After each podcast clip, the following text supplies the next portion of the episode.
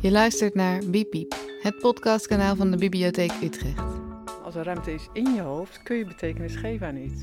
Dit is Ruimte in je hoofd, deel 2. Betekenis. Hoe, hoe meer stress, hoe meer druk, hoe minder ik doe. En hoe meer rust, hoe meer ruimte, hoe meer ik doe. Dan zie ik de wereld ook een stuk eh, eh, verfrissender. Dat het je leven eigenlijk eh, luchtiger maakt.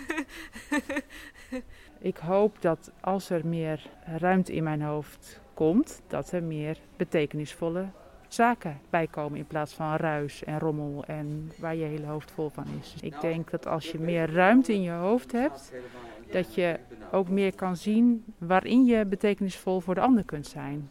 Ehm, als er ruimte is in je hoofd, kun je betekenis geven aan iets. Anders ga je eraan voorbij. Dan heb je geen focus en dan let je niet op en dan eh, gaat er heel veel langs je heen. Je pakt soms zo'n momentje dat je voelt van hé, hey, nu raak ik echt iets aan of nu doe ik echt iets vanuit een bepaalde betekenis en waarde. Ja.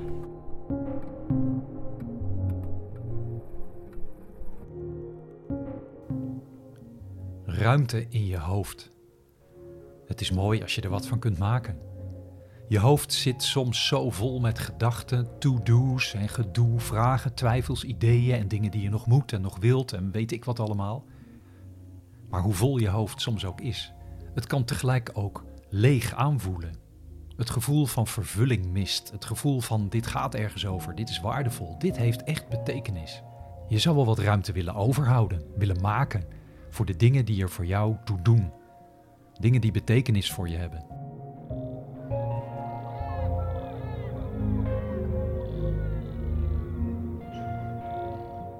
Deze tweede podcast in de serie Ruimte in je hoofd gaat over betekenis. Ruimte in je hoofd is een serie van vier workshops die ik in het najaar van 2020 geef in de Bibliotheek Utrecht. Ik ben Jan Wolter Bijleveld, schrijver van de boeken Loslaten, Losser Werken en Los Leven, maker van de website lsltn.nl over loslaten, docent van de School of Life Amsterdam en nog veel meer. Na elke workshop geef ik in deze podcast een korte samenvatting deze keer stonden we stil bij vier vragen. Wat betekent betekenis voor jou? Waar gaat het nou echt om?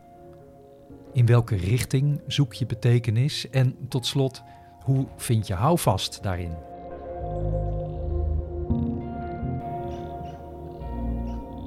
Wat heeft betekenis? Waar zit dat in? Op de een of andere manier voel je vast wel aan wat voor jou van betekenis is. Toch vinden veel mensen het ongrijpbaar. Waar zit het nou precies in? Het is lastig om dat goed onder woorden te brengen. Je kunt denken aan mensen die voor jou van betekenis zijn en voor wie jij van betekenis kunt zijn. Het kan zitten in momenten, ervaringen, herinneringen, dingen, activiteiten, werk, vrijwilligerswerk, iets doen voor iemand uit je familie, voor een vriend, je buren, iemand in de buurt. Het kan van alles zijn. Omdat het een ongrijpbaar iets is, betekenis, kan het goed zijn om te proberen het onder woorden te brengen. Welke woorden hangen voor jou samen met betekenis? Voordat de workshop begon, vroeg ik dat aan een paar deelnemers. Prioriteit van wat vind je belangrijk in het leven, van waar hecht je waarde aan, waar, en dat komt dan vaak weer uit waar hou je blijdschap uit en geluk en ja, waar ben je tevreden mee? Mijn creativiteit uiten en daar iets mee gaan doen. Relaties. Ja zin en verbinding, uh, maatschappelijk belang, ja, ertoe doen. Hoe kun je betekenis hebben voor de ander? Is dat misschien ook nog wel uh, uh, belangrijk? Voor mij persoonlijk ligt betekenis heel erg in een soort diepgang in een contact heb je dan ineens echt contact met iemand op een ander niveau dan je gewend bent. Een soort diepte brengen en waarde in wat je doet, ook in de simpele dingen. Dat vergeet ik als ik helemaal vol zit en de hele bezig ben met ditjes en datjes en dit moet gebeuren, dat moet gebeuren. In de workshop filosofeerden we er in twee gesprekken verder over door. Welke woorden hangen voor jou samen met betekenis?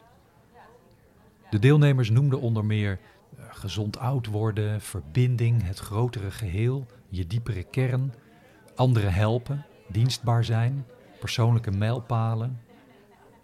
Het kan van alles zijn.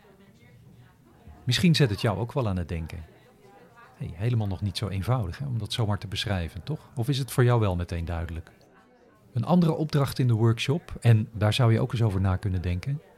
Ga eens in gedachten terug naar twee momenten van de afgelopen tijd die wat jou betreft betekenisvol genoemd kunnen worden. En wat hebben deze momenten met elkaar gemeen?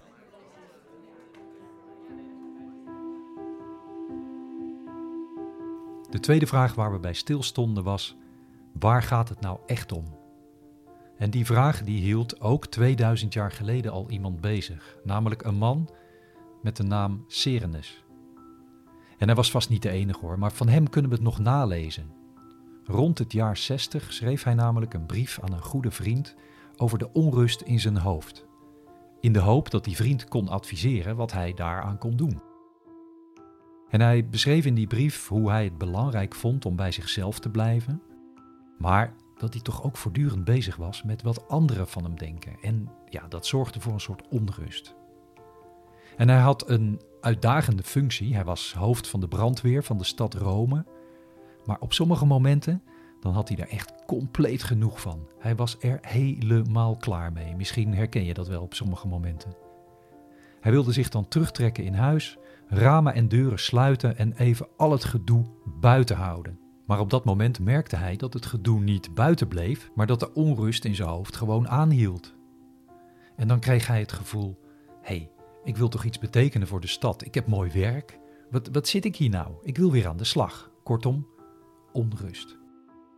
In zijn brief schrijft hij ook nog over eenvoud en materialisme en over hoe perfectionisme hem dwars kon zitten. En hij schreef die brief aan zijn vriend Seneca.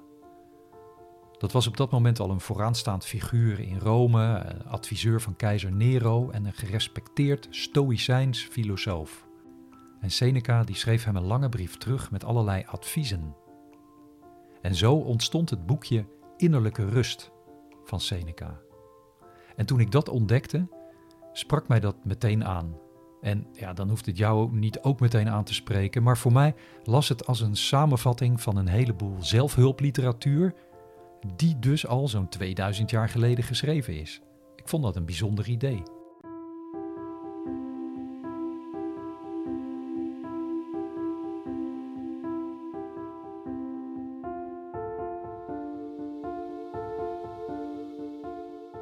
Seneca die geeft zijn vriend om te beginnen mee... Ja, je wilt iets groots, je door niets uit balans laten brengen. Hallo, dat is nogal een opgave. En ook schrijft hij bemoedigend... Nou, met jou valt het misschien nog wel mee. Ik zie mensen om mij heen die nog veel onrustiger zijn, grilliger, dan weer ambitieus van alles aanpakken en najagen en dan weer teleurgesteld afhaken. Ze hebben het niet druk door een gerichte activiteit, maar ze laten zich gek maken en opjagen door verkeerde veronderstelling van zaken. En zijn conclusie is: mensen zijn ontevreden en op de vlucht voor zichzelf. Seneca geeft allerlei praktische ideeën en adviezen voor zijn vriend Serenus. En een daarvan is: blijf jezelf, doe wat bij je past.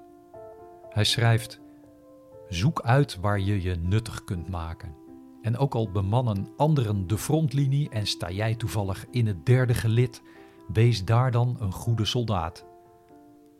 Onderschat jezelf vooral niet, maar probeer jezelf ook niet te overschatten. Kies wat bij je past, bedoelt hij.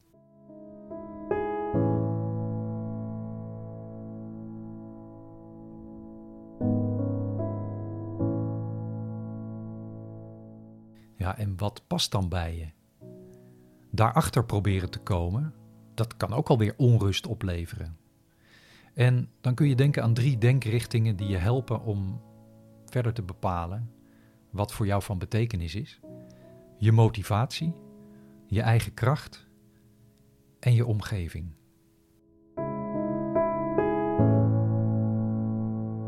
Ten eerste, wat motiveert je? Wat drijft je? Wat vind je zo de moeite waard dat je bereid bent om daar tijd en energie in te steken? En extra testvraag. Wat als je er niet eens een beloning of waardering voor krijgt? Zo kun je voor jezelf bepalen, waar doe ik het voor? Komt dit echt uit mijzelf? Wil ik dit echt?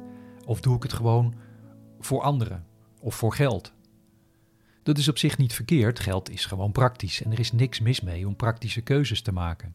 Maar als dat wat je doet voor geld, dat noemen we vaak werken, als dat jou een heel onbevredigend gevoel oplevert, dan kun je je afvragen of hier misschien verbetering mogelijk is. Een baan of een carrière, allemaal leuk en aardig, maar soms verlang je naar werk dat meer betekenisvol is, dat relevant is, dat ertoe doet. Steve Jobs, die verwoordde dat ooit mooi in een veelgeciteerde speech op een Amerikaanse universiteit. Jezelf er steeds aan herinneren dat je uiteindelijk doodgaat, is de beste manier om te helpen keuzes te maken in je leven. In het zicht van de dood blijft vanzelf over wat echt belangrijk voor je is.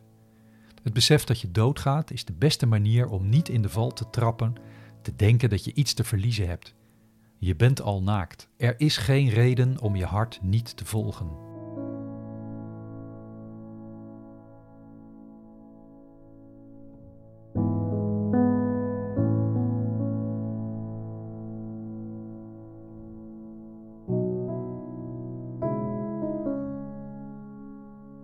Andere uitspraak die mij bijblijft is van schrijfster Annie Dillard. How we spend our days is how we spend our lives.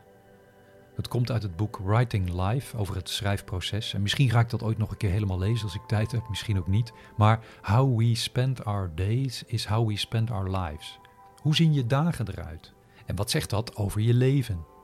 Het is voor mij een goede herinnering. Als je iets wilt veranderen in je leven, dan gaat het erom dat je een dag verandert dat je een eerste stap op een zekere dag zet. Terwijl als je doorgaat met je dagen op dezelfde manier vullen zoals je altijd deed, dan, dan blijft uiteindelijk een heel leven zo. En dat kan heel onbevredigend zijn voor wie iets wil veranderen. Wil je je leven veranderen?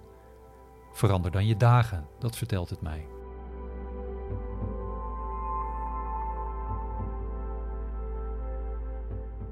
Een oefening die kan helpen om onder woorden te brengen wat voor jou van betekenis is, is aan het eind van elke dag voor jezelf bedenken en opschrijven: wat heb ik deze dag gegeven? En wat heeft deze dag mij gegeven?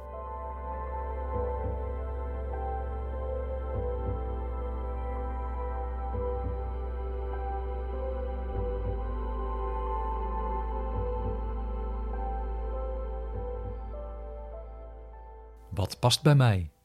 Waarvoor ben ik dan gemotiveerd? Waar loop ik echt warm voor? Waar ligt mijn kracht? Allemaal vragen die ook weer voor onrust kunnen zorgen en een onprettig soort druk. De lat ligt hoog, de wereld ligt open. Het is aan jou om er alles, maar dan ook alles uit te halen. En soms kan er druk zijn vanuit je omgeving, sociale druk. Druk om maar gewoon mee te gaan met de stroom en mee te gaan met dingen waarvan je denkt: wil ik dit wel? En soms lijkt het alsof anderen wel precies weten wat ze willen en jij niet. Het is zeker niet zo makkelijk om je eigen weg te vinden. moet ik weten wat ik wil? Moet ik weten waar ik over vijf jaar sta? Moet ik de juiste keuzes maken? Waar vind ik uiteindelijk houvast voor mijn keuzes? Dat was de laatste vraag waarbij we stilstonden in de workshop Ruimte in je hoofd.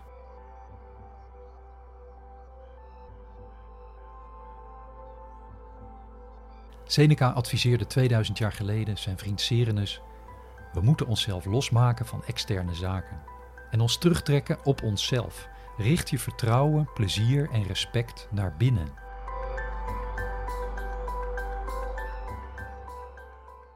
Ik wil je graag het verhaal vertellen van Frans Kappus, een jonge man van tegen de 20.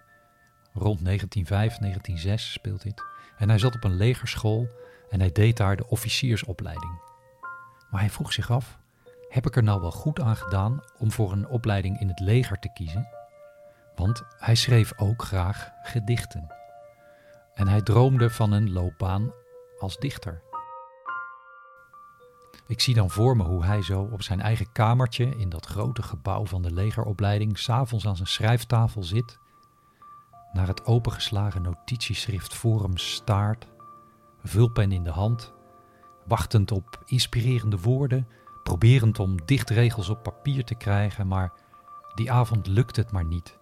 En de gedachten blijven rondmalen in zijn hoofd en ja, zit ik hier wel goed?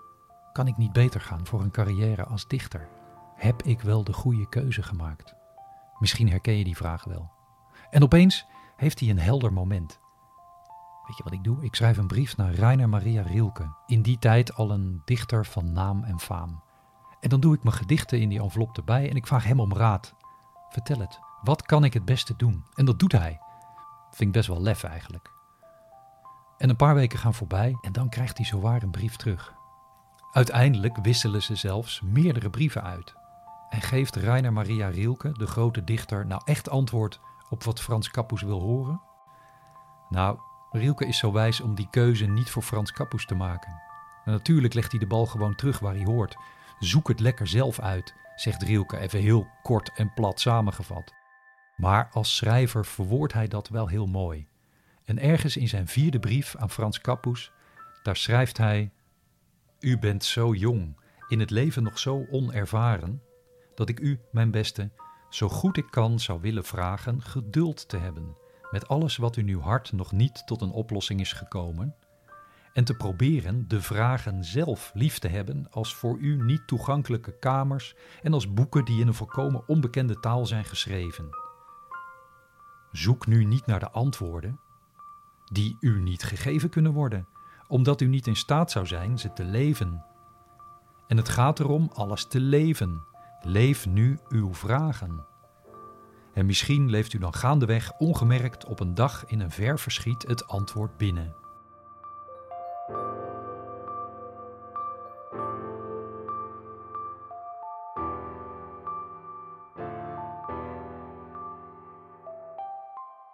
Ik denk dat dat een prachtig advies is. Leef je vragen.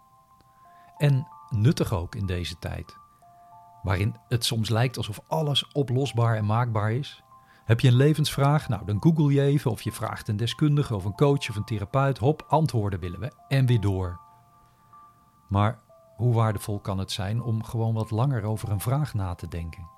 Om daar meer tijd voor te maken, ermee rond te lopen, anderen over te spreken en het allemaal nog eens rustig te overdenken. Want weten wat je wilt, bestaat zoiets? Nadenken over wat je wilt, ja zeker, heel belangrijk. En tuurlijk, soms is het goed om een knoop door te hakken en ergens voor te gaan. Maar het kan ook zo waardevol zijn om een vraag nog even open te laten en daar de tijd voor te nemen. Een vraag lijkt soms wel een soort ongemak dat zo snel mogelijk uitgewist moet worden. En dat is denk ik onterecht. Goede vragen zijn waardevol. En ik denk ook dat antwoorden overschat worden als het gaat om rust en ruimte in je hoofd. Want heb je nou echt rust als een vraag opeens beantwoord is? Heb je dan eindelijk rust? Wel nee, dan is het toch alweer een volgende vraag en hop, dezelfde onrust gaat gewoon weer door. De uitdaging is denk ik niet om vragen zo snel mogelijk af te ronden en weg te werken, maar juist om te kunnen leven met vragen die nog openstaan. Ook al levert dat soms een onrustig gevoel op. Leef je vragen, zoek nog even verder. Blijf proberen, onderzoeken, stap voor stap kom je verder. Connecting the dots noemde Steve Jobs dat in zijn toespraak, waarin hij studenten uitnodigt hun hart te volgen. Maar de verbinding tussen alle stippen, tussen alle dots, tussen al je tussenstappen, die zie je pas als je terugkijkt. Vooruitkijken is gewoon lastig. Wat wordt de volgende stap? Wat wordt de volgende dot? Het is lastig om daarover zekerheid te vinden. Maar don't settle, keep looking, zegt Jobs. Want wat je dan ook ziet is, een keuze is gewoon een keuze, daar leer je van en daarna is er weer een volgende keuze. En terugkijkend zie je de weg die je hebt afgelegd en daar zit wel degelijk een rode draad in. Deze quote komt uit de Tao. Ervaring is als een lantaarn die op de rug wordt gedragen. Hij belicht alleen de afgelegde weg. Voor je is het gewoon nog donker, ook op een kruispunt. Daarover ben ik trouwens net een nieuwe podcast begonnen, Afslag X. En daarin interview ik mensen over een keuze, een ervaring of een gebeurtenis die hun leven heeft gevormd en veranderd. En het is waardevol, denk ik, om bij je keuzes steeds te proberen te volgen wat voor jou van betekenis is. Hoe je zelf van betekenis kunt zijn. Wat is je kracht? Waar ben je goed in? Wat drijft je? Waar ben je bereid tijd en energie in te steken? Waar krijg je energie van terug? Welke omgeving stimuleert jou? Welke mensen en in welke omgeving kun jij iets betekenen voor anderen? Zulke vragen kunnen je helpen om onder woorden te brengen wat voor jou van betekenis is. En ook om hoofd- en bijzaken uit elkaar te houden. En leef je vragen. Dat mooie advies van Rielke. Oh ja, hoe ging het uiteindelijk verder met Frans Kapoes, onze legerofficier in opleiding die dichter wilde worden? Voor hem gold uiteindelijk ook dat hij stap voor stap verder kwam. Hij is in het leger gebleven en daar kwam hij terecht in een schrijvende journalistieke rol. Dus in die zin was hij ook een voorbeeld van iemand die uiteindelijk zijn eigen weg gevonden heeft. Een weg die voor hem van betekenis was en waarin hij iets kon betekenen. Als je in de bibliotheek gaat zoeken naar een bundel gedichten van Frans Kappus, dan kun je heel lang blijven zoeken. Maar het is goed mogelijk dat hij voor zijn plezier gedichten is blijven schrijven. En dat hem dat ook al genoeg voldoening opleverde.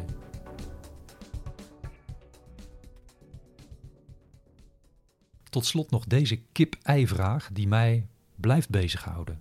Kun je nou het beste eerst ruimte in je hoofd maken om dan dingen te kunnen doen die van betekenis zijn? Of maak je juist ruimte in je hoofd door meer dingen van betekenis te doen? Waar begint het? Eerst ruimte in je hoofd maken om dan dingen van betekenis te kunnen doen?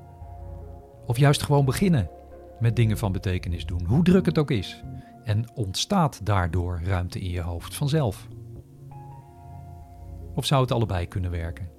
Ik nodig je uit het uit te proberen en blijf vooral nadenken over wat voor jou zelf werkt.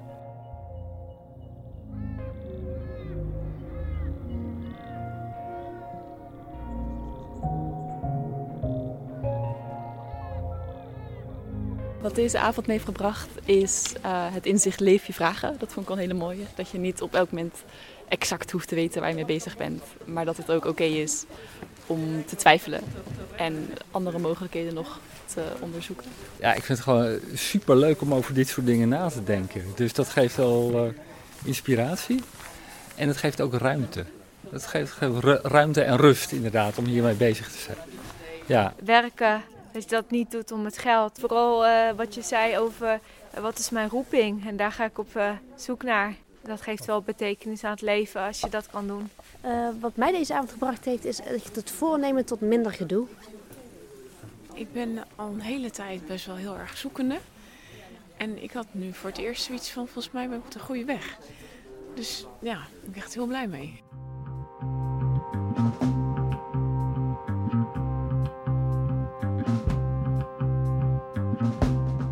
Hopelijk heb ik met deze podcast ook iets voor jou kunnen betekenen. Half november is er weer een workshop Ruimte in je hoofd. En daarna volgt ook weer de podcast. Met als onderwerp Waarderen. In december is de laatste in de serie en die gaat met het einde van 2020 en het begin van 2021 in zicht over voornemens. De workshop Ruimte in je hoofd is een productie van mij, Jan Wolter Bijleveld. Meer info over mijn werk vind je op hoofdruimte.nl. Dank voor het luisteren naar Ruimte in je hoofd. Ga naar de website van de Bibliotheek Utrecht voor meer mooie, nieuwe, verhelderende, opruimende programma's. Kom langs, kijk, luister en lees mee met Biep Biep.